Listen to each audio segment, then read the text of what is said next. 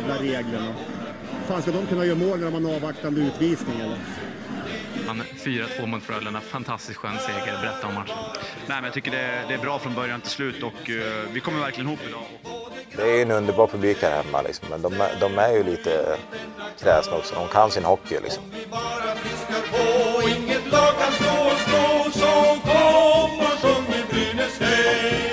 Vi alla vill må bra. Välkomna ska ni vara alla våra kära lyssnare till ett nytt avsnitt av Brynäspodden. Det är nummer 96 i ordningen om jag inte räknar fel. Det är ju faktiskt nästan lika många helt oväntade poäng som vi har tagit den här veckan tycker jag. Förra veckan förutspådde du ändå sex poäng, men trodde du att de skulle komma på det här sättet det gjorde den här veckan, Viktor? Verkligen inte. Jag vill väl minnas att jag sa att det skulle bli förlust mot Luleå, va? Ja, Och eh, sen skulle det gå bättre.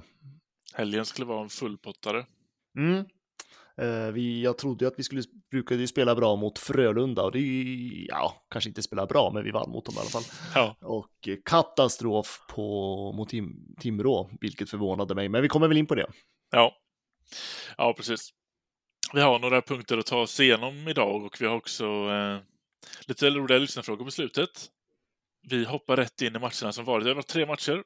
Det är ju en, ska se så jag får rätt här, borta Luleå, borta Timrå, hemma Färjestad, Frölunda. 5-2 får vi ändå igenom. Lite islossning blir det ändå där mot Luleå.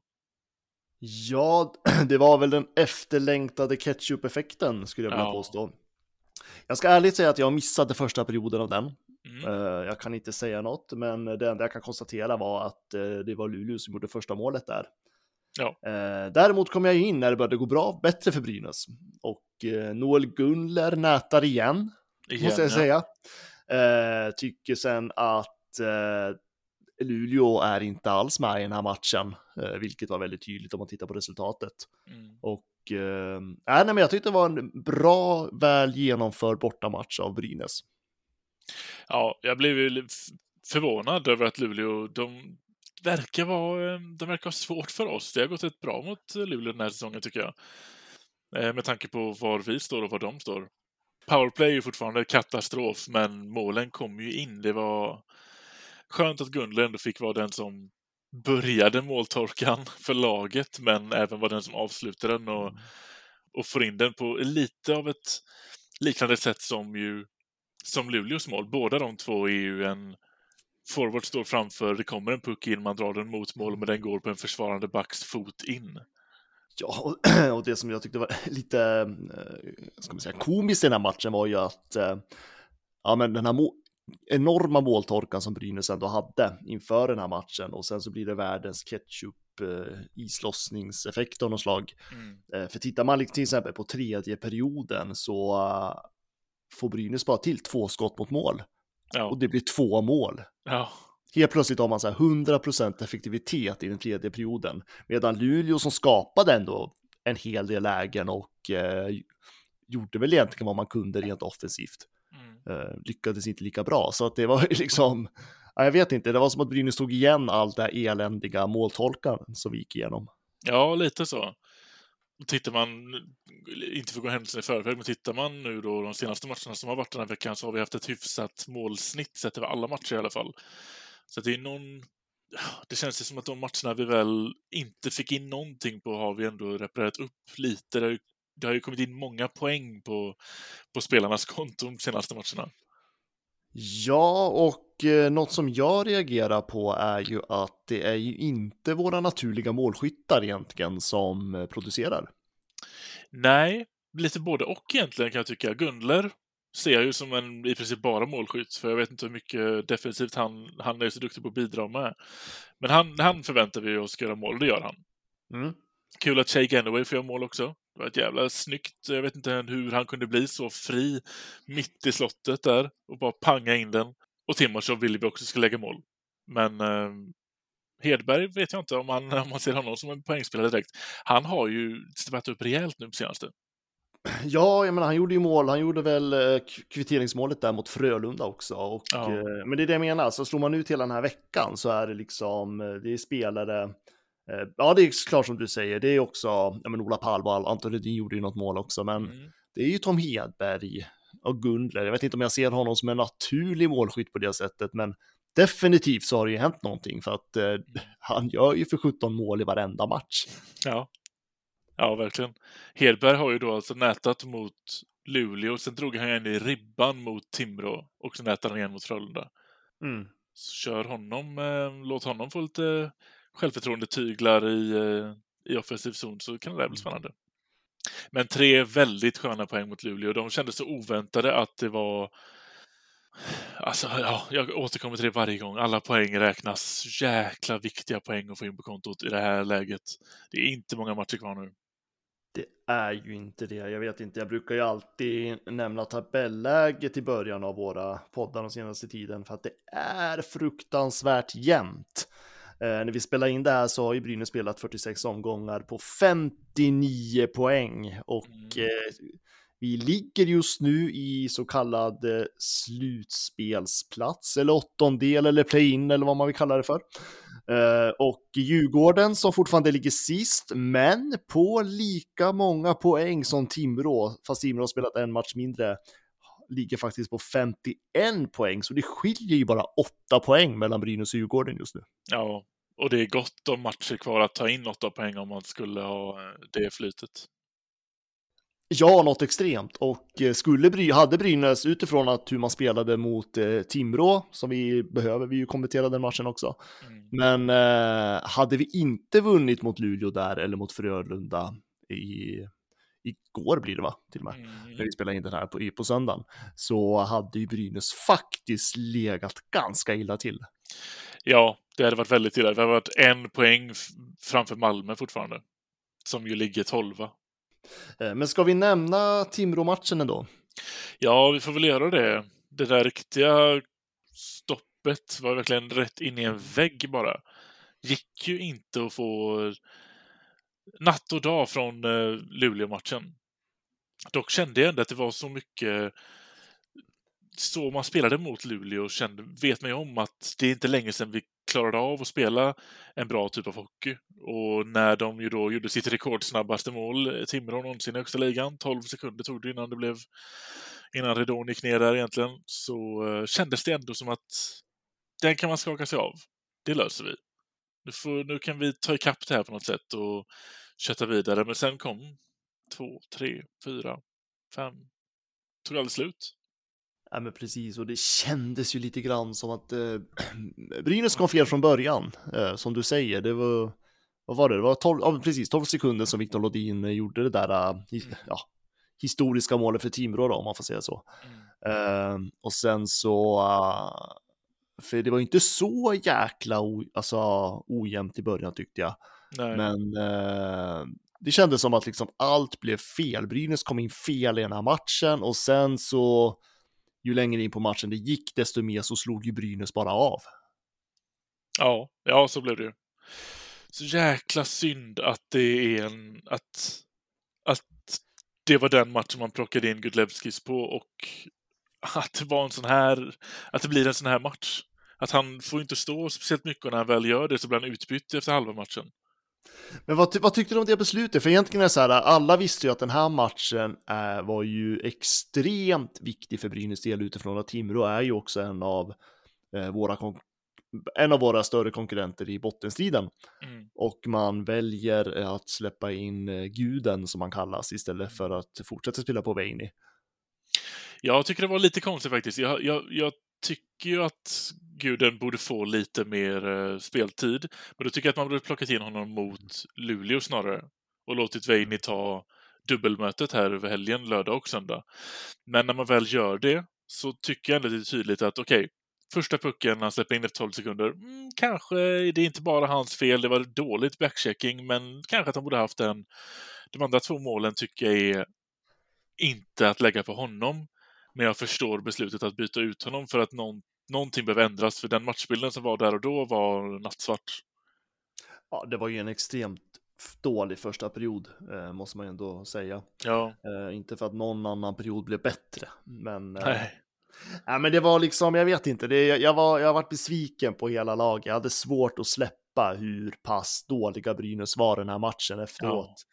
Ehm, det kändes som att det var ingen som ville det här och ja, jag vet inte, jag, jag tror till och med att Mikko Manner såg extremt chockad ut i båset. Ja, Eh, och det han. det var, ja men alltså jag vet inte, alltså man, man hade velat lyssna på eh, di- diskussionen i laget efter den här matchen. Ja. För det var sjut, alltså den här inställningen man kliver in i Timrå med, sån jävla viktig match.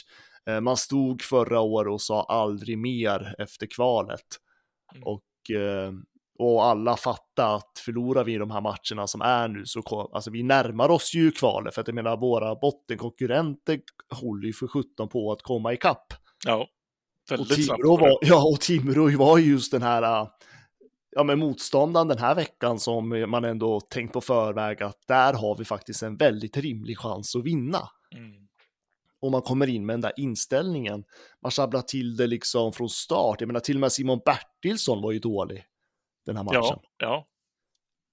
Ja, det, jag tycker det verkligen visade sig tydligt när i periodpaus inför tredje ligger vi under med tre mål. Det har vi hämtat ikapp den här säsongen. Tre mål är inte omöjligt. Få in, som Mik- Mikko säger, inför ehm, perioden, ett tidigt mål här nu.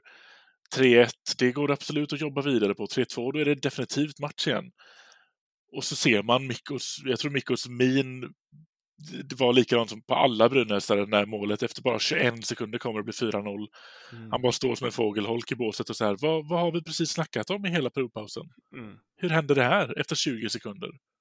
Och det blev ju tidiga mål i varje period, även om mittperiodens eh, mål där Jakob Blomqvist, för detta lagkapten i Brynäs, eh, det var väl bara efter fem minuter som han satte den. Ja, Och det var ju verkligen liksom så här, ja men när eh, Noel Gunler och Ola Palve som var, blev ändå målskyttar den här matchen, alltså det var ju ingen som jublade knappt i deras mål. nej, knappt de själva. nej, nej, nej, men det var ju helt eh, energilöst i båset. Ja. Och det var ju bara uppenbart vart Brynäs var, de var inte med. Men jag måste ändå säga, eh, trots resultatet den här matchen, jag var ju redo för 6-0. 6-2, det är en jäkla skillnad i det här läget som är just nu, för vi är de enda i bottenskiktet som har... Vår udd just nu är ju att vi har målskillnaden på vår sida. Och vi ligger högst upp av bottenlagen. Så vi har ju verkligen möjligheten att plocka någon poäng där. Skulle vi hamna på samma samma poäng som någon så kommer vi gå, så kommer vi gå vinnande ur det. För de andra lagen under oss snackar ju, de har ju kanske 10-15 mål mer insläppta än vad vi har. Så att jämna ut från 6 till 4 minus den matchen kändes som en liten, liten vinst i alla fall. Ja, jo, så är det väl naturligtvis. Och det är klart att i värsta, alltså det kan ju såklart påverka. Eh, Det kan vara skillnaden mellan kval och inte kval eller eh, ja, jag kallar det slutspel då, slutspel och inte Mm. slutspel. Mm. Men eh, Brynäs har inte råd att gå in i matcherna på det där sättet. Det är åtta poäng skillnad mellan Brynäs och absolut sist i serien. Ja. Och eftersom de båda ligger på samma poäng nu så är det inte heller sist, utan det är ju inom, inom kval. Näst, Ja. näst, det är ju liksom... Åtta poäng är det enda vi har att leva på just nu. Ja, och då ska man veta att Timrå har en match mindre spelad än alla andra. Ja, exakt. Så, så skulle Timrå vinna den matchen så ligger de bara fyra poäng efter Brynäs. Mm.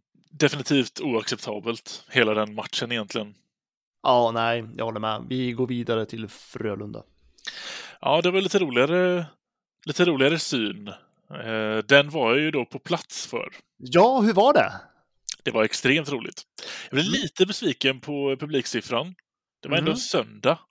Och det, nu är det sluttampen här. Jag tror att nu är det väl bara tre hemmamatcher kvar på hela säsongen, tror jag. Eh, Jag vet inte, någon är väl på någon tisdag eller torsdag och sådär. Jag tänker att det här är sista helgmatchen.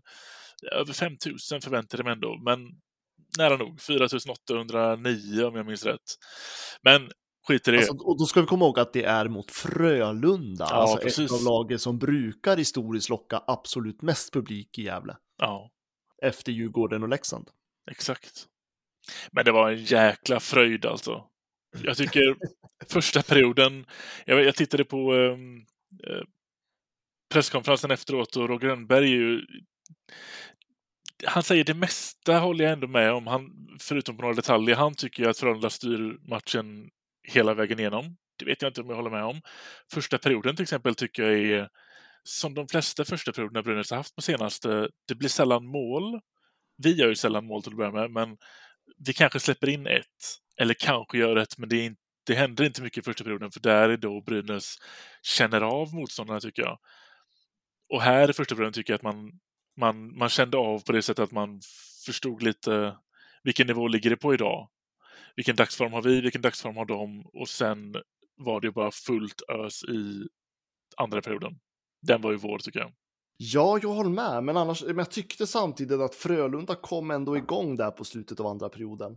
Eh, jag var, jag var faktiskt inte lugn inför den tredje perioden. Jag eh, kände ändå att eh, jag var orolig att Frölunda faktiskt skulle ta hem det här.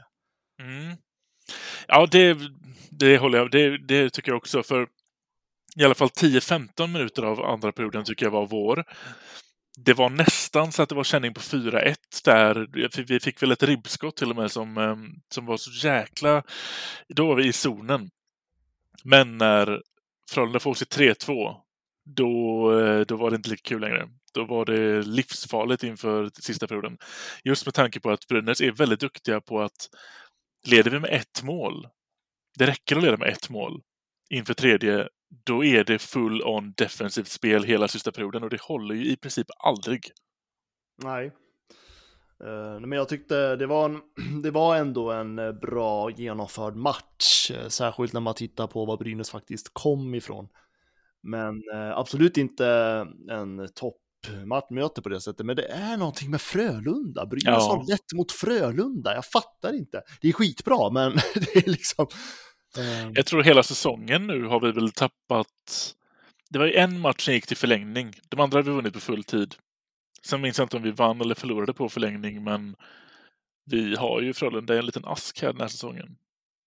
Men det blev ju ändå rätt reaktioner inför den här matchen, för det var ju lite speciell laguppställning måste jag ändå säga. Ja, verkligen. Jag blev ju så många, så många ögonbryn som lyftes tror jag. Både, som du säger, det konstigaste av allt är ju var är, var är Dima? Och det första jag tänkte då är okej, helt motsatsen till vad jag tänkte föreslå att man skulle ha för laguppställning inför den här matchen. Men då sätter man in Molin i första. Mm. Det är lika chockerande nästan. Verkligen, och att sätta honom tillsammans med Anton och Greg, Anton Rudin och Greg Scott, alltså det är från ingenstans så sätter man honom högst upp. Ja, Var kom den ifrån? ja, nej, förstår ingenting. Ja, men precis. Och sen var det ju extremt mycket snack om eh, Tima Show, eh, varför han inte spelar och eh, man har väl inte riktigt gått ut med något svar på den. Nej, Det var, jag har hört spekulationer om skada och jag har spekulationer om petad. Mm. Eh, Det enda jag tänker att det sistnämnda, ja, jag håller med. Jag tycker inte att Tima Show har presterat på topp, men han är ju bra mycket bättre än tio av våra forwards. Ja, konstig match att peta honom inför. Konstigt läge att göra det. Jag, nej, jag förstår inte om det är det, det, om det är det som är anledningen så känns det väldigt konstigt. Samtidigt, ja, Mikko nämnde ju också det på presskonferensen efteråt att nu har vi ju vi hade fyra matcher den här veckan. Vi har fyra matcher nästa vecka. Vila snackade han om, men det känns ju som ett riktigt... Det är inte läge att vila någon nu. Det är all in på alla. Ja, det spekuleras ju väldigt mycket kring Tima Show. Jag var ju också inne på det och jag har sett några skrivit det på sociala medier också. Att eh, det finns ju några som undrar om eh, Tima Show har lite annat att tänka på just nu. Mm. eh, utifrån vad som är i Europa och var han kommer ifrån, har släktingar någonstans och så vidare. Men vi vet som sagt inte och det går ju bara att spekulera. Men jag hoppas att det är, alltså att det är någon form av känning, behov av vila en match, alltså någonting sånt Mm. och inget annat. Men han, för han satt ju ändå på läktaren. Ja, jag skulle precis nämna det. Och det var ju inte, han såg ju inte ut att vara någon bitter, petad kille som bara satt och var tjur över att han inte fick spela där. Han såg ju rätt eh, väl till mods ut, tycker jag.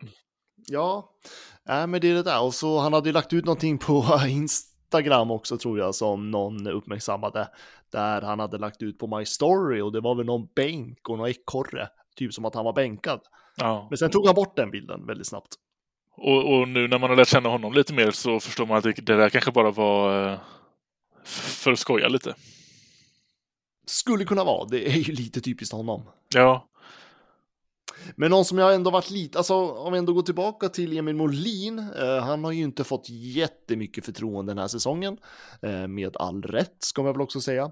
Men jäkligt kul ändå att han får lira powerplay som eh, jag tycker ändå att han har kvaliteter för och eh, det blev ju ändå mål, inte av honom, men eh, av, eh, ska vi se, minns jag rätt om det var Noel Gundler som gjorde det målet? Gunler gjorde mål i alla fall. Sen är frågan om det var Ja, PP, det minns jag Nu inte. kanske jag blandar ihop det här nu. Jo, det var Noel Gunnar, ja, precis. Eh, Där Emil, där Emil Molin och Greg Scott vart assisterande. Just det, i den um, fem mot tre situationen. Ja, men precis. 2-1 målet där. Chefen över SHL tjötar sig till en utvisning. Underbart. ja, men det var en helt annan match mot Frölunda. Jag tycker jag såg glädje och vet du vad? Jag såg till och med Anton Rödin le på isen. Ja, jag med. Jätte, det såg jag ändå från läktaren. Jag blev jätteförvånad. Det såg ut som att han... Det, det var någon... eh, Det, det syntes att den här matchen var eh, viktiga jäkla poäng alltså. Mm. Ja, men helt klart och eh, sjukt viktiga poäng och jag är glad att Ola Palve fortsätter producera poäng. Ja, Jag tycker ändå att han har kommit upp sig lite den här veckan. ja det tycker jag också. Bortsett från Timrå-matchen då, men det var alla, alla dåliga. Ja.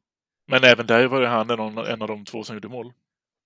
Ja, det var han, men eh, jag vill faktiskt slå fast, jag menar att jag är lite mallig nu eftersom att jag ändå lyfte upp honom rejält tidigt på säsongen. Noel Gundler har gjort mål samtliga matcher den här veckan. Ja, stämmer.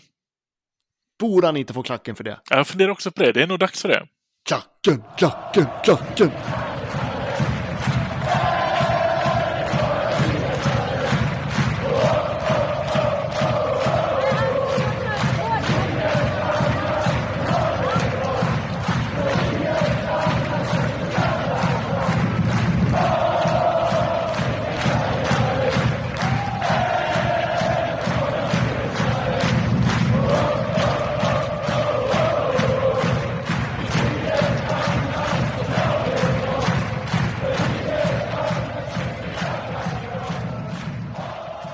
Han har ju även gjort då sin... Jag vet inte, är det poängbästa säsong också? Jag vet målmässigt är det väl hans bästa säsong i, högst, i Sverige hittills. Eh, Poängbästa och målbästa. Han gör sin livs bästa säsong i SHL. Ja. Och ska man eh, titta på hans, eh, för han ligger just nu på 22 poäng och det är 12 mål och 10 assist. Mm. Och eh, om man fortsätter den här på matcherna som är, som är kvar, då kommer han hamna på 25 poäng. Ja, det är frågan. Eh, där vill jag nog nästan känna att eh, det stimmet han är nu, ska han fortsätta förharva i tredje kedjan trots att han är den enda som faktiskt kontinuerligt gör mål för oss, då stämmer det säkert. Men lyft honom lite. Testa honom i andra kedjan eller varför inte skicka in den i första om vi ändå ska vara så frikostiga med att testa första kedjan så mycket. Testa skicka upp han där då. Ge, ja, då blir det minst 15 i år. Ja, det hade varit jäkligt kul. Alltså han får ju mycket kritik under. Jag tycker att jag läser mycket att folk eh, inte tycker, men alltså man glömmer bort att han- han är 20 år. Ja, Det är en 20-årig forward som just nu har gjort 22 poäng. Ja. Det är väl fullt godkänt? Ja, ja. Speciellt i en 20-åring som kommer till eh, nedre regionen av tabellen som vi ändå ligger i och har, gör fler mål än assist.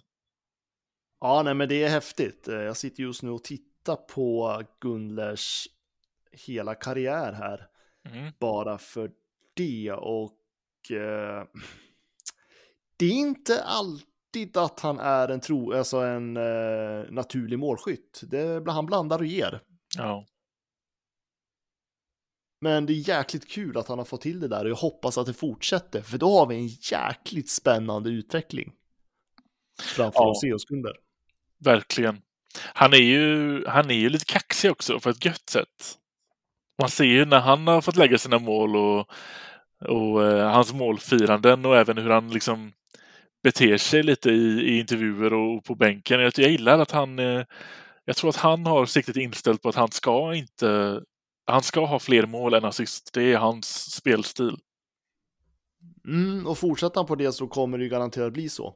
Ja. Eh, och det är som du säger, fortsätter han på den här vägen som har varit den här veckan, då kommer han ju till och med göra mer än 25 poäng. Ja, ja, absolut. Och jag menar, skulle han till och med närma sig 30 är väl att ta i, men, eh, Mm. ja, men 26-27 poäng i bästa världar kanske. Mm. Då är det ju en eh, helt klart fullt godkänd säsong. ja, det är det. Alltså det går ju inte att vara emot när en 20-åring ligger där. Nej. Nej, det är redan nu en, en godkänd säsong och då har vi sex matcher kvar.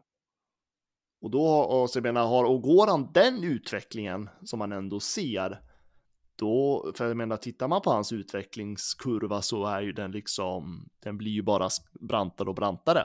Ja, Då måste man ju nästan diskutera hur Brynäs ser med honom i framtiden. mm. För hans kontrakt går ju ut i år.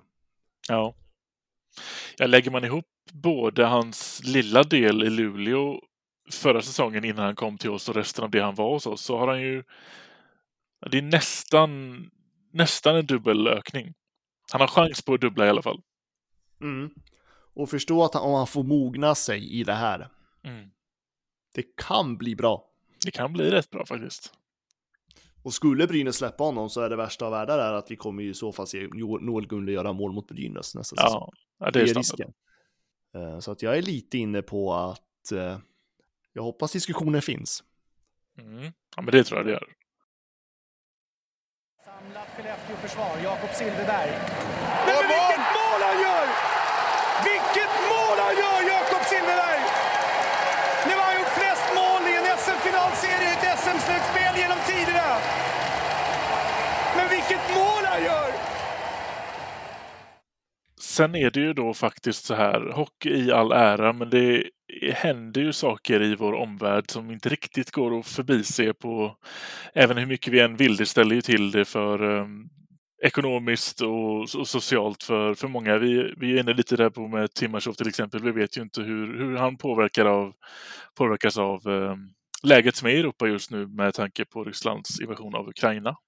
Nej men precis, och eh, med anledning av Rysslands invasion i Ukraina så har ju koncernen som vi är verksamma i, eftersom att vi tillhör ju då svenskafans.com och ingår i då i koncernen Everysport Media Group, så har man nu gjort en, eh, eller en kampanj som man har startat med Everysport for Ukraine. Och vad innebär det då, Fredrik? Ja, eh, jag kan läsa lite, eh, lite innantill här kring den kampanjen som har gått ut här. Det är ju eh... Tillsammans har vi skapat initiativet Every Sport for Ukraine som syftar till att stötta det krigsdrabbade Ukraina. Vi bidrar till Every Sport for Ukraine dels genom att vi har donerat pengar till UNHCR, vilket då är FNs eh, flyktingprogram väl. Men också genom att upplåta utrymmen på våra sajter och kanaler för att så många som möjligt ska få bidra med pengar till UNHCR.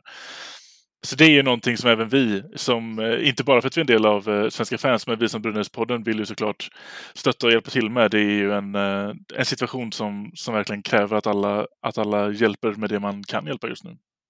Precis, och utifrån den här kampanjen så kommer ju vi här på Brynäspodden varje avsnitt framöver, i alla fall den här säsongen, att eh, uppmuntra er lyssnare att donera till UNHCR eh, för att eh, stötta Ukraina så gott det går.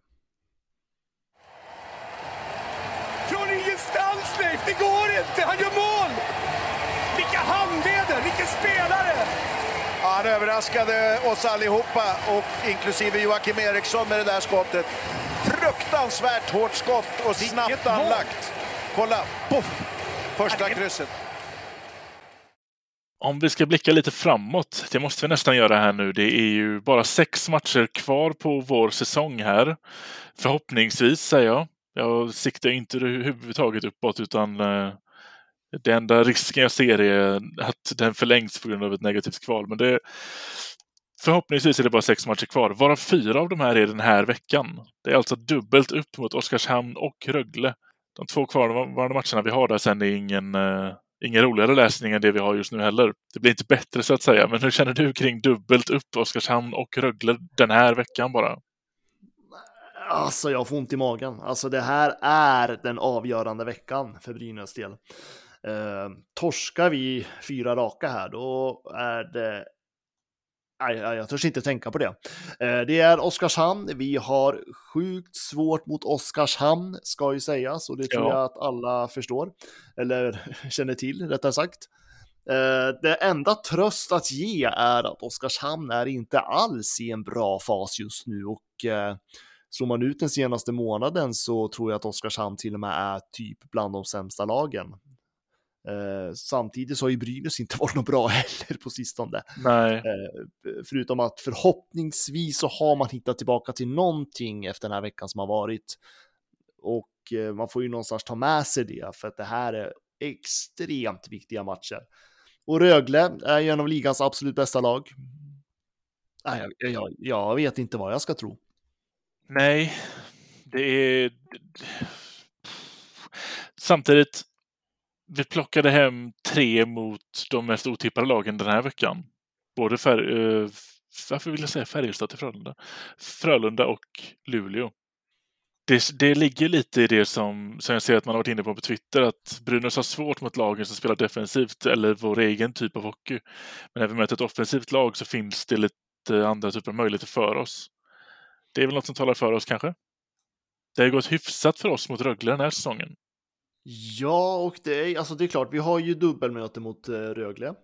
Eh, torsdag, lördag och sen är det Oskarshamn på tisdag och söndag. Och jag menar, vi möter ju de här lagen för att vi har ju inte mött dem så många gånger tidigare heller. Ja. Så att det är lite, jag vet inte hur många trådar man ska dra från tidigare möten de här lagen emellan, utan jag vill nog snarare titta på formen som är just nu och där är inte Brynäs på topp och det är inte Oskarshamn heller. Rögle däremot är ju mycket bättre fas. Ja. De har, de har precis gått och vunnit COL till exempel. Exakt. Ja, det var ju såklart en, eh, en bedrift. Skönt också att det fortfarande är ett svenskt lag som gör det, vill jag bara inflika.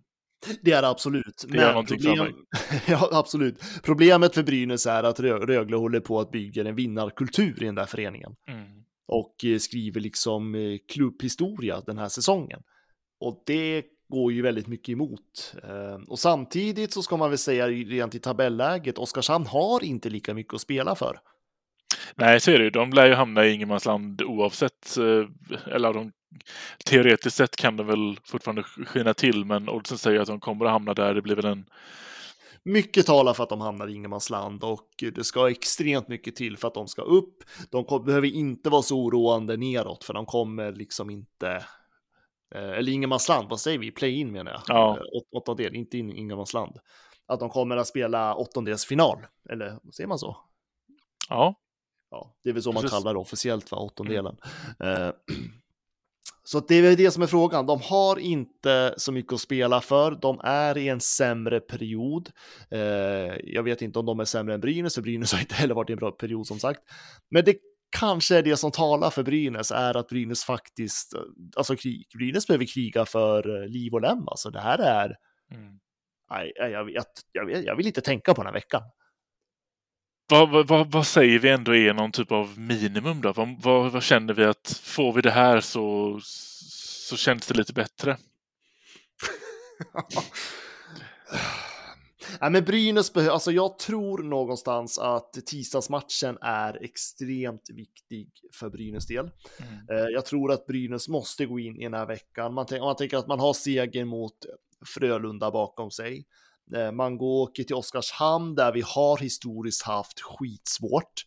Eh, skulle man vinna den matchen och bryta den trenden eh, och så skulle man ändå ha två väldigt sköna segrar i ryggen. Och jag tror att det skulle behövas mot Rögle för att det, ah. jag har jättesvårt att se att vi ska ha, att vi ska kunna vinna mot Rögle, men samtidigt vill jag inte säga att vi är helt chanslösa heller. Nej. Någonting säger mig att fyra, fyra poäng hade varit godkänt. Allt över det är en jättebonus. Oh. Hålla ett poängsnitt på en poäng per match den här veckan känns godkänt. Mm. jag skulle ju önska att vi fick mer än så, tanke på hur tajt det är i bottenstriderna. Ja. Om vi gör så här då. Jag har faktiskt tagit upp spelschemat för alla de som vi inte vill ska vinna en enda match till resten av säsongen. Mm. Ja, men låt höra. Eh, om vi bara tar den här veckan då så börjar vi med Malmö. De börjar ut på torsdag mot Linköping. Mm. Sen åker de borta mot Frölunda. Sen blir det en hemmamatch mot Djurgården. Sen möter de också Rögle. Nej, nej, Så där har de ju två matcher som... Det vill ju gärna inte att någon av de här lagen ska möta varandra egentligen. De får ju gärna möta topplag och åka på stryk. Mm, För poäng ska ju delas ut. Så antingen går ju Djurgården eller Linköping på Malmös bekostnad här. Ja. ehm, vilken, vilken vecka var det här du tar? Det var Malmös vecka. Det här var Malmö, ja. Malmö, ja. Eh, Det bästa för, för Brynäs del är ju att Malmö faktiskt slår Djurgården i alla fall och Ja. att Malmö-Linköping kryssar.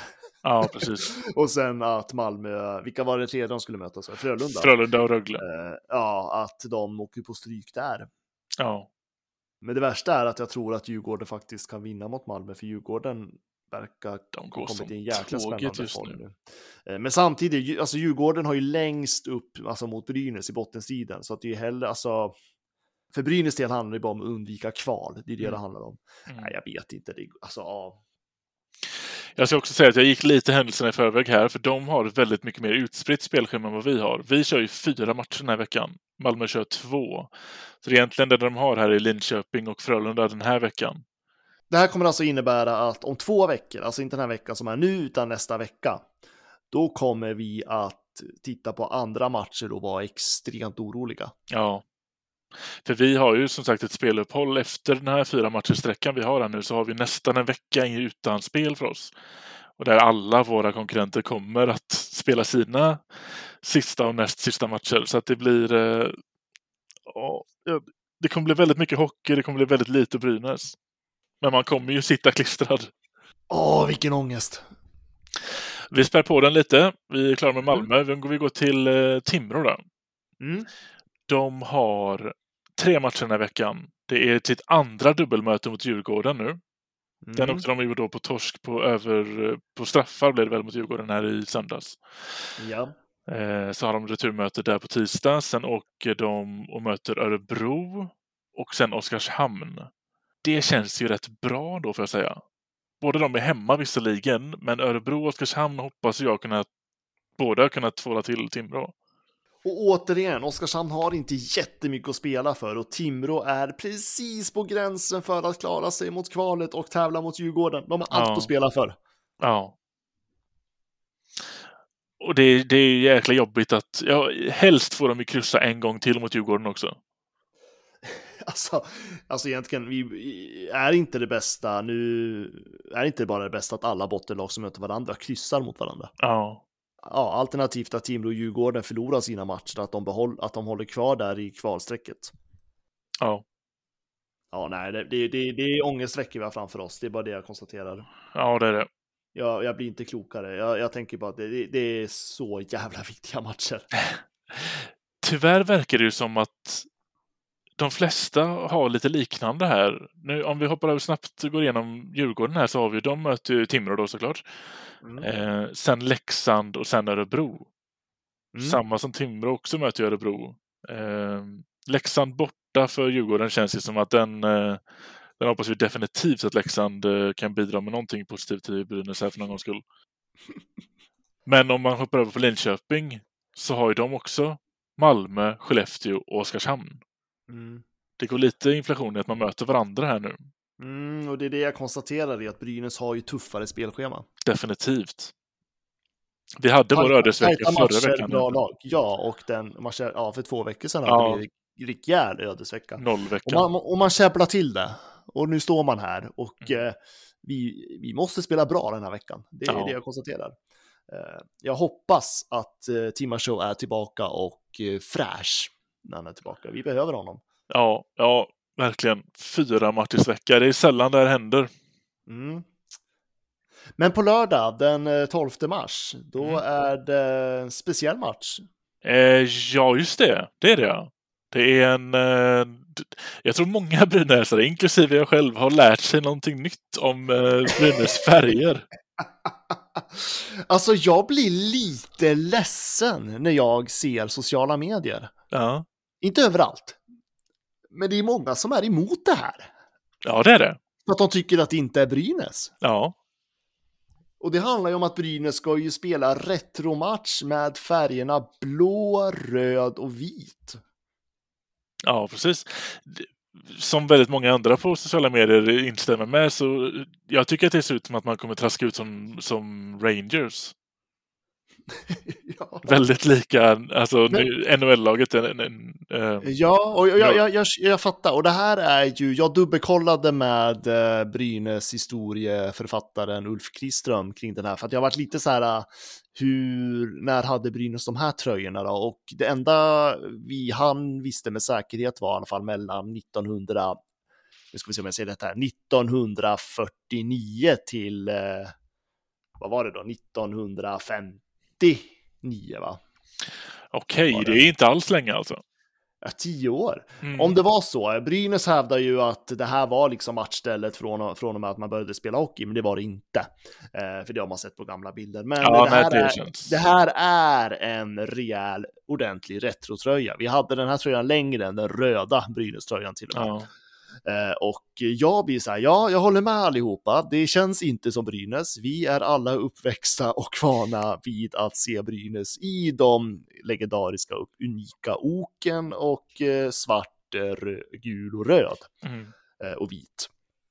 Men jag blir lite besviken när man ser fans liksom vifta bort den här tröjan. Ja, jag också. Det är en del av vår historia. Varför, varför inte? Jag menar, vi har sett 51 matcher med Brynäs den här säsongen. En kan man väl få leka lite med och testa och se en, hur hade vi det förr? Det är lite ja, men, uppen, ja, men, ja, ja, men uppenbarligen behövs ju den här retromatchen för att folk har ju inte vetat om att den här tröjan ens har använts. Nej.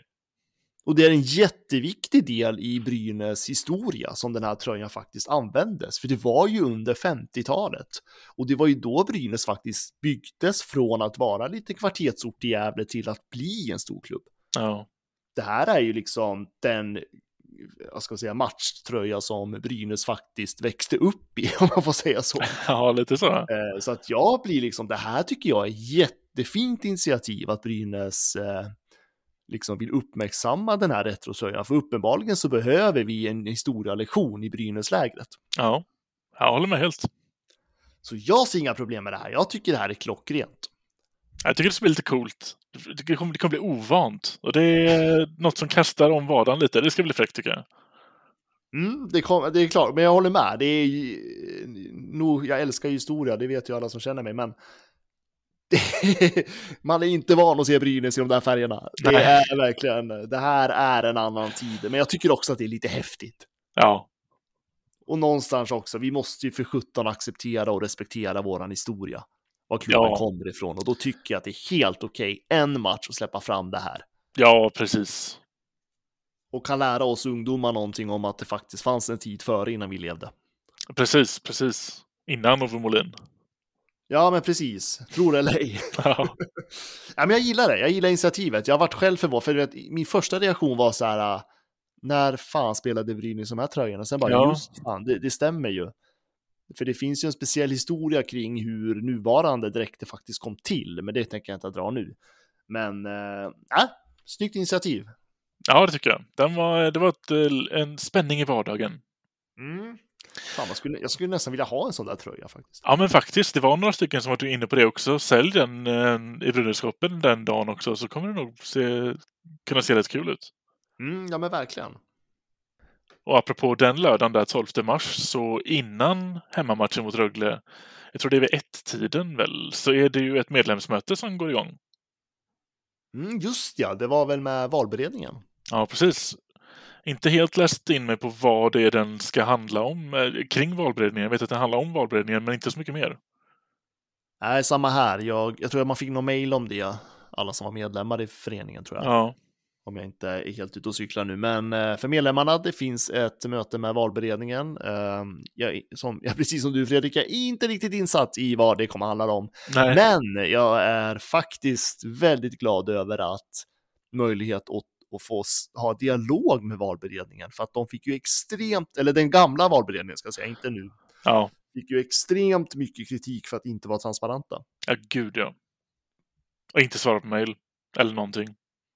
Nej, det var locket på. Så att jag är glad, jag är glad att valberedningen faktiskt öppnar upp för dialog för de medlemmar som faktiskt är intresserade. Ja. Det kan ju bli en riktig, mm, nästan, eh, nästan heldag Brynäs där ju. Hoppa in i medlemsmötet och sen när den är slut så eh, tar man en dusch eller går ut på en liten promenad och sen kommer man tillbaka och då är det Rögle-match. Ja, och jag tänker det här är jätteviktigt, för jag menar det är bra att valberedningen också har en dialog med medlemmarna, dels så att medlemmarna förstår kanske hur valberedningen resonerar i vissa frågor Mm. och att valberedningen också får en känsla av vad medlemmarna tycker Mm, i vissa frågor. verkligen. Jag tycker det här är ett klockrent initiativ. Men allvarligt talat Leif Boork, du håller på med hockey i 600 år. Hur skjuter karln? Hur skjuter han? Han skjuter väldigt bra, han skjuter väldigt hårt, han skjuter väldigt pricksäkert. Det har ju rullat in lite lyssnarfrågor här under dagen också som vi tänkte ta oss igenom. Vi eh, hoppar rätt in på Facebook som var i vanlig ordning. Eh, Brynäspodden på Facebook. Vad säger vi om skillnaden mellan 2-6 ena dagen till 5-2 den andra? Och vad tror ni är Dima skadad eller har han tankar på annat håll? Det känns som att Dima-delen har vi, vet vi ju inte, det har vi varit inne på tidigare i avsnittet. Eh, Ja, eh, jag kan faktiskt säga då, jag var inne och kollade på Twitter här under tiden vi har spelat in det här avsnittet. mm, Eh, Så jag kan kommentera det på en gång, för det är Daniel Sandström, journalist på Gefle Dagblad och Arbetarbladet, eh, ja, Gävlesporten då så att säga. Eh, Han hävdar att det är en lättare känning, en skada. Eh, Och eh, det var så att sista träningen innan Luleå-resan så klev faktiskt Timashov av mm, eh, ut på grund av en känning. Och då skriver Daniel Sasse, som han också kallas för, att han hade givetvis kun- kunnat spela igår, det vill säga mot Frölunda. Men match två dagar i rad plus fyra matcher denna vecka. Bättre låta honom vila en match då, precis som Palve gjorde nyligen. ja. Så enligt eh, Gefle Dagblads och Arbetarbladets Brynäs expert måste man ändå säga att Daniel Sandström är. Ja. Så kommer Timashov till spel i veckan. Ja, upp- det blir, ja precis, upp till bevis lite, men, men eh, hoppas att det är det. Mm, jag hoppas också att det bara har varit en lätt känning och att man har valt att vila honom för det. Vad säger man annars om den inkonsekventa 2-6 ena dagen till 5-2 den andra? Att det är sporten ishockey vi håller på med. Mm. Det går fort i hockey, eh, det är ehm, ena dagen är inte den andra lik så att säga. Att, åka... det är väl inte helt ovanligt att det blir så där heller när man kommer från en eh, rejäl dipp som Brynäs gör och sen så gör man en match bra och så förlorar man nästa. Det viktiga tycker jag är att eh, alltså skitmatcher kommer och det där var en rejäl jävla skitmatch. Eh, Sen, var, sen kan man ju spekulera kring det hur mycket som helst, men eh, det viktiga för mig personligen var att Brynäs klarade av att eh, komma tillbaka direkt där mot Frölunda. Mm. Och den energin man faktiskt kom tillbaka med efter att ha åkt på en så rejäl förlust borta mot Timrå dagen innan. Så att, nej men för mig det är hockey, ishockey, allt kan hända. Ja, precis. Ja, det, jag håller med helt. Det, och,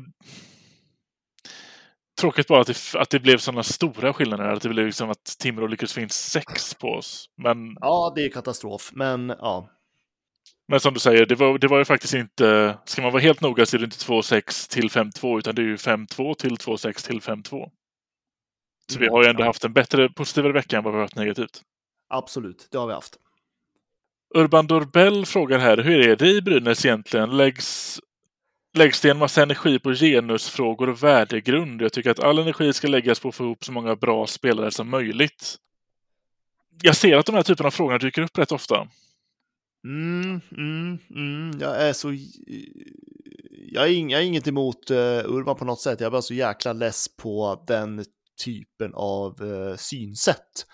Um, för att man ska komma ihåg att de som håller på med värdegrundsfrågor eller sociala frågor eller all, alltså alla typer av frågor som inte berör sporten, de jobbar inte ens med sporten. Nej. Nej, det är en helt annan Johan- avdelning. Det är inte Johan Alsen, Erika Gram eller Mikko Manner som sitter och håller på med genusfrågor, jämställdhets... Och Erika Gram håller på med jämställdhetsfrågor, absolut. Eh, men om vi, om vi bara tänker på SHL-laget nu. Ja.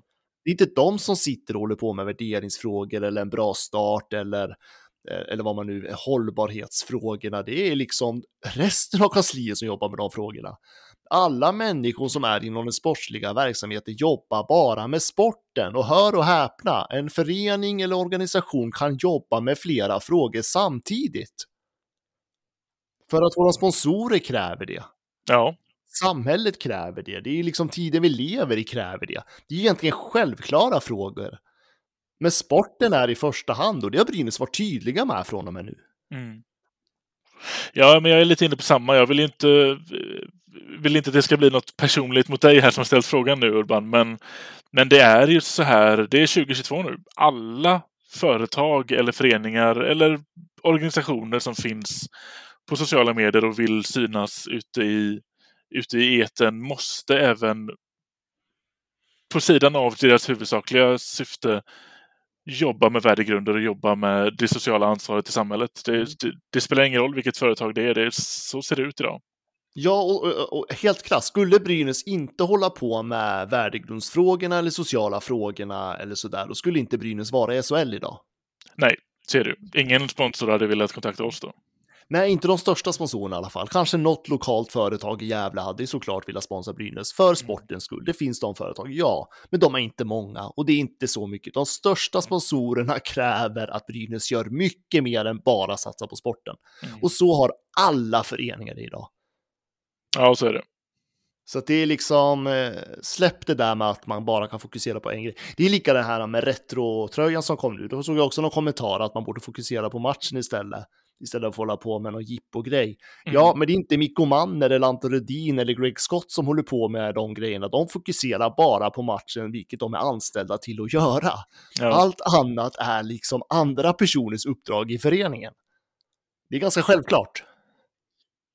Göran Lind kastar in en fråga här som jag inte alls vet hur jag ska ställa mig till. Han säger, ska Brynäs ge Björk ett treårskontrakt? Uh. Kahn blir ju bara bättre och bättre. Trots spott och spe från alla förståsigpåare så har han ju stort förtroende från Brynäs ledarstab. Det stämmer ju. Han får ju mycket istid. Mm, det får han. Jag säger nej. Ja, det gör jag också. Men jag grundar inte bara på Björk sp- specifikt, utan jag vill ju i princip byta ut hela backuppsättningen. Ja. Det är typ Bertilsson och Genoway jag vill ha kvar, resten ska ryka. Jag vill byta ut dem, vi behöver bättre backar. Vi Mm. behöver ett bättre lag, vi ska inte harva i tionde plats eller kvalspel längre. Vi kan, inte, vi kan inte förlänga med alla spelare, byt ut dem. Ja, men lite så. Jag är, någon form av kontinuitet måste man ju ha och det känns som att vi har värvat kvar rätt många av dem. Jag menar Scott och Rudin är ju kvar. De är en stor del av stommen i lagbygget och om Berre är kvar till exempel och eh, Shay Ganaway. Det räcker att bygga någonting runt snarare än att förlänga med människor som vi redan har idag. För jag, jag är inte för så många förlängningar just nu. Nej, och frågan är hur mycket vi ska hålla på att bygga runt Scott och Rudin i fortsättningen också, men det kanske vi ska ta senare efter Ja, men det, det tänkte jag mer som att de har varit i laget ett par år Ja, nu. Och... ja, jag fattar. Ja, nej, men nej, alltså jag visst att någon en, alltså enstaka spelare kommer att göra en bättre tid nu, för det brukar vara så i slutet av säsongerna. Men vi måste bygga ett bättre lag. Mm. Vi kan inte förlänga med alla spelare för att då kommer Brynäs aldrig att bli bättre. Jag tyckte det var någon som skrev eh, väldigt eh, bra egentligen att Mikko Manner kokar soppa på en spik. Ja, det gör han definitivt. Han, han, alltså, han, han har inget bra lag på pappret. Vad ska han göra liksom? Ja. Så det är därför vi ligger där vi ligger. Så att jag menar, nej. Nej, jag vill inte förlänga med Björk på grund av det. Hade Brynäs varit ett topplag och Björk hade varit med, ja, då hade jag kanske gett han lite chans då, om, Mm. om det skulle finnas utrymme för det. Men nej, vi behöver, bättre, vi behöver skaffa yta för bättre backar. Så är det bara. Vi har jätteproblem med backspelet. Behöver backar som kan skjuta förbi första täcket. Ja, det vore något. Mm. Så är det med det. Ehm. Sen är det mesta har vi tjötat om och jag vet att vi har ju en Twitter, eh, ett Twitterkonto också där det kommit in lite liknande frågor kring det vi har fått på Facebook. Så jag tänker att vi hoppar över till Twitter istället. Mm. Och det är som vanligt eh, att Brynäspodden på Twitter som gäller. Eh, vi kan väl börja med Martin Åsefelt som eh, frågar så här. Är KLs förfall positivt för Brynäs? Frågetecken. Vågar vi tro på en, ett nybygge i KL-klass nästa säsong?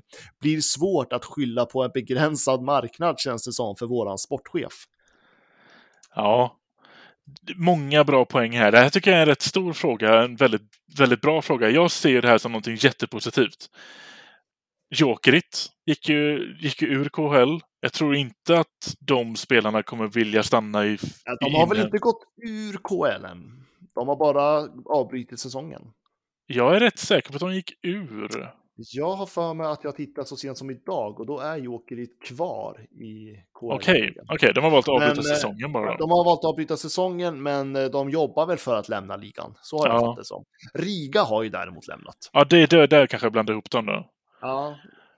Men det tycker jag är eh, kanon. Men, ja, men jag skulle säga 95 procent eller 99 nästan att Jokerit kommer inte spela i KHL nästa säsong. Nej, precis. Och den kvaliteten tror jag inte kommer sprida sig ut över finska inhemska ligan. De kommer ju söka sig till antingen Schweiz och pengarna eller Sverige för kvaliteten. Mm. Och då ser jag det bara positivt. Sen är ju problemet då hur, när det väl står ett helt jokerigt, eh, en helt jokerigt laguppställning på 25 man som ska portioneras ut över de, bästa lagen. Hur väl kan Brynäs då attrahera dem? Eh, pengarna finns säkert, men vi har varit inne på tidigare att Brynäs är inte det mest attraktiva att spela för. Så där talar jag lite emot oss, men att spelare på marknaden kommer finnas, den, den saken är klar. Så här är det, eh, Schweiz kommer inte ha plats för alla europeer som frånkommit som vill lämna KL, för Schweiz har ju begränsat antal importer per lag i sin Mm. liga. Eh, jag hörde någonstans att man vill utöka den, jag tror det är till upp till sex spelare per lag nu. Eh, kommer fortfarande inte ha plats för alla KL-spelare som vill till Europa. Nej. Eh, och då är ju nästa på tur är ju SHL. Ja. Finska ligan har inte samma klass som SHL. Eh, och där finns det ju en jättemöjlighet för SHL-lagen och Brynäs i det här fallet som har extremt många kontrakt att fylla till nästa säsong. Mm. Kommer att säkerligen kunna jaga en och annan för detta KL-spelare då. Men det är som du säger, Brynäs ligger, nej, Brynäs ligger inte topp i att vara den mest attraktiva SHL-klubben, men Brynäs har en jättestark eh, spelarbudget. Och Brynäs skulle kunna sälja in budskapet att nu ska vi göra en ny start, en ny satsning. Verkligen, För det är en riktigt- stor sak som ja. talar för oss. För det har man möjlighet till att göra. Mm. Och eh, jag menar, inte för att vara sån, men just huvudtränaren är en extremt viktig del för många spelare. Och Brynäs har faktiskt Mikko Manner som är extremt omtyckt bland många spelare. Kanske till och med att vi får in en och annan finsk KL-spelare som har varit topp, som känner Mikko Manner. Eh, han har, eh, jag menar, det är, en, det är ändå en olympisk mästare vi har i båset. Exakt. Ja, men liksom så här, det finns andra saker som kan locka spelare till Brynäs. Ja, Eh, Så att det här är ju, och i och med att KL nu kommer i princip upplösas upp snart tror jag, så blir ju det här att vi går ju verkligen från att ha varit spelarnas marknad till att nu blir det faktiskt klubbarnas marknad. För nu är det faktiskt extremt många färre klubbar för Europas bästa spelare att välja mellan. ja. Och där kommer schweiziska ligan och SHL vinna extremt mycket. Så vi, alltså vi kan få en bra jävla häftig liga framöver. definitivt. Och plötsligt lever ju hoppet om att vi kanske till och med får behålla Timmersov nästa, nästa år. Ja, det tror jag definitivt. Jag tror att det, det är nog garanti nästan, höll jag på att säga. Oj, på att, nu är på att få det. Ja, nu har jag svängt rejält Ja. här. Men, eh, eh, nej, men jag hoppas definitivt det. Och jag menar, förstå bara bygga vidare på det. Eh, nej, men jag och Brynäs har liksom kanske bästa förutsättningarna inför nästa säsong, tanke på att vi har, vad är det, 13-14 kontrakt som ska fyllas. Ja. Och KL splittras. Och eh, de bästa europeiska spelarna som inte, vill, som inte platsar i NHL kommer söka sig till toppligorna och SHL kommer bli en sån liga. Ja. ja, vi har ju redan tecken på att det är många svenskar. Jag vet ju två svenskar som köpte ut sig själva ur eh, Moskvalag för att lämna Ryssland det finns ju andra, det finns ju amerikaner och det finns ju andra svenskar i andra KHL-lag som inte just behöver vara de lagen som brut- brutit sig ur. Som, eh, som antagligen Jokerit och Dynamo Riga till exempel. Så lag, det, KHL kommer nog urholkas lite på sin kvalitet nu. Ja, med all rätt. Det, där står vi med öppna armar. Ja, och jag menar det här är, alltså jag är så jävla taggad på nästa silly season. Så att alltså jag ryser nu när jag bara pratar om det. Men eh, ja, Johan Alsen, Erika Gram och resten av alla som jobbar med rekrytering för Brynäs IF. Åh, bygg relationen nu för fan. Ja. ja, men det är så jävla möjlighet. Alltså det finns en så stor möjlighet. Det är spel, det är klubbarnas marknad. Så att eh, ja, det är en jätteintressant fråga och jag är spänd så in i Norden på uh, vilken silly vi faktiskt skulle kunna få. Ja, det, ja, jag, jag är positiv. Det var ju faktiskt även en fråga på Facebook som dök upp eh, lite se- sent här. Eh, Lindbäck spelar väl faktiskt i en KHL-klubb just nu?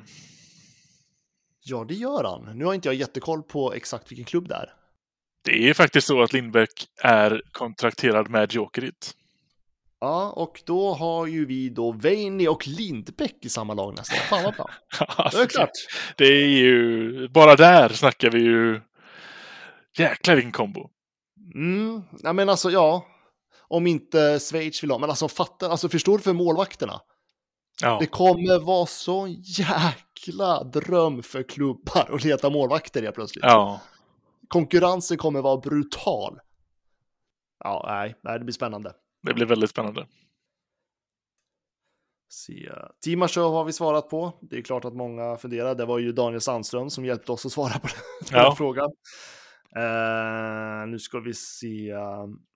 Eh, Britt-Marie Olsson, en trogen lyssnare, ställer samma fråga om KL som eh, Martin gjorde, så att vi har svarat på den. Ehm, oj, nu är det någon som har M. Rekis, jag vet inte om jag ska uttala det rätt, men eh, han ställer frågan så här. Vad tror ni, blir det kval, ingenting eller slutspel?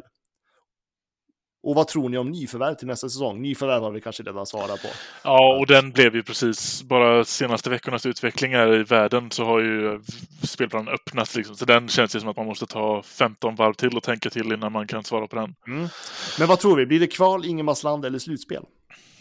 Jag tror att det blir ingenmansland.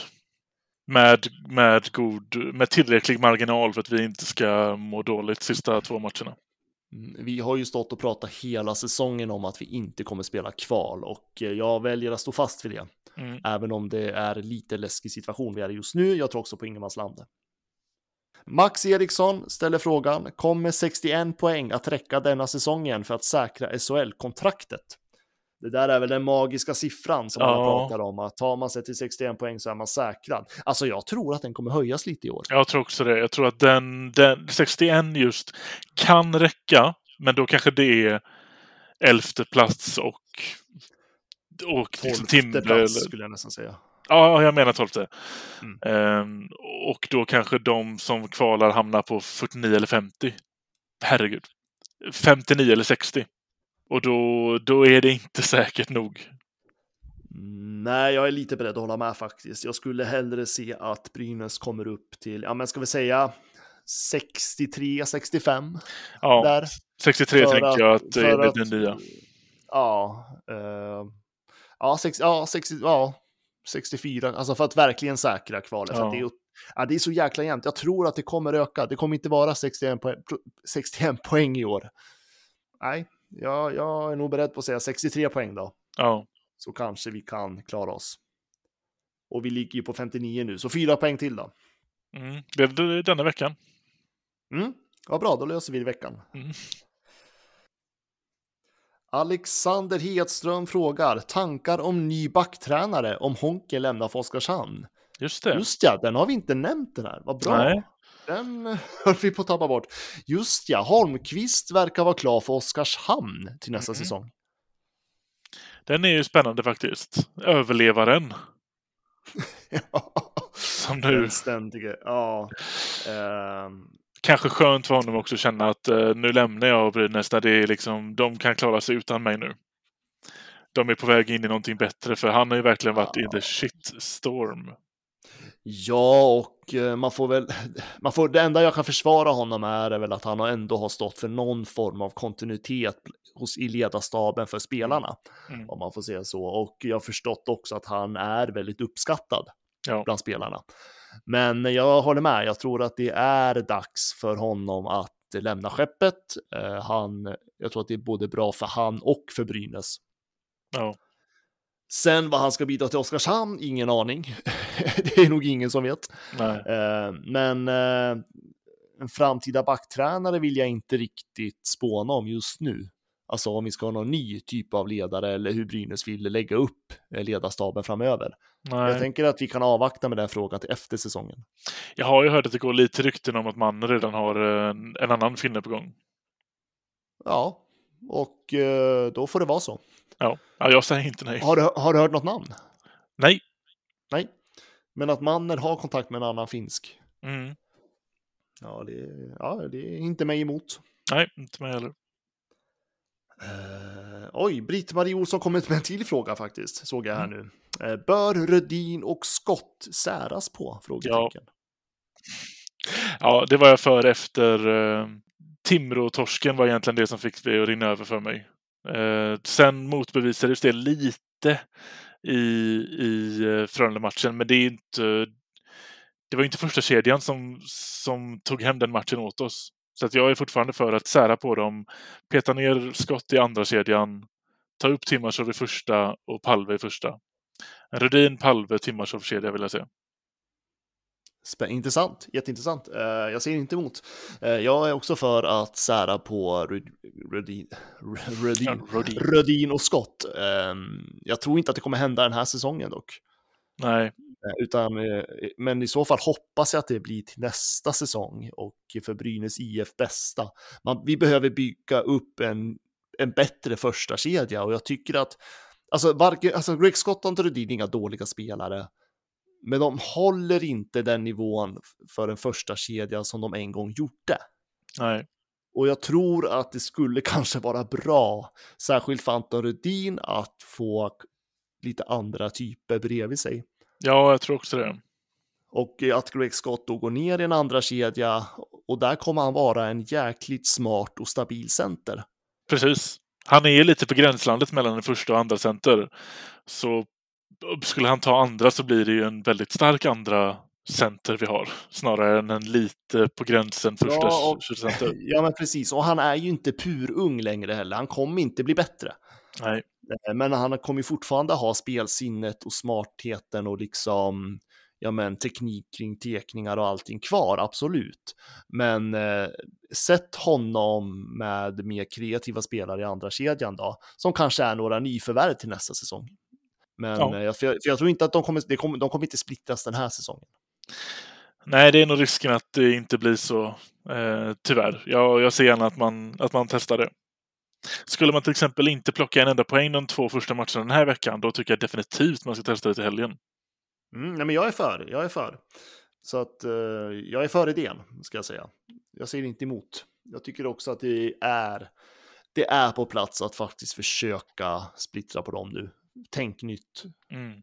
Och Brynäs behöver utvecklas framåt. Vi kan inte fortsätta i samma spår. Nej. Ja, det var väl de frågorna vi hade på Twitter. Ja, bra frågor. Jag tycker att den eh, KL-frågan kommer definitivt vara någonting att följa här nu. Den kommer ja, men, eh, kasta om marknaden. Ja, verkligen. Och det beror ja, det, vi får ju helt se hur, alltså även om KL som liga finns kvar så kommer ju inga andra europeiska spelare vilja spela där. Nej. Så att ja, vi får väl, eh, vi, vi får hålla ut öga på den utvecklingen som är eh, och eh, ja, en tuff jäkla vecka, vecka framför oss. Ja, verkligen. Fullt fokus nu verkligen för släppa lite, lite, lite på gasen så kommer det bränna alldeles för mycket bakifrån. Så är det.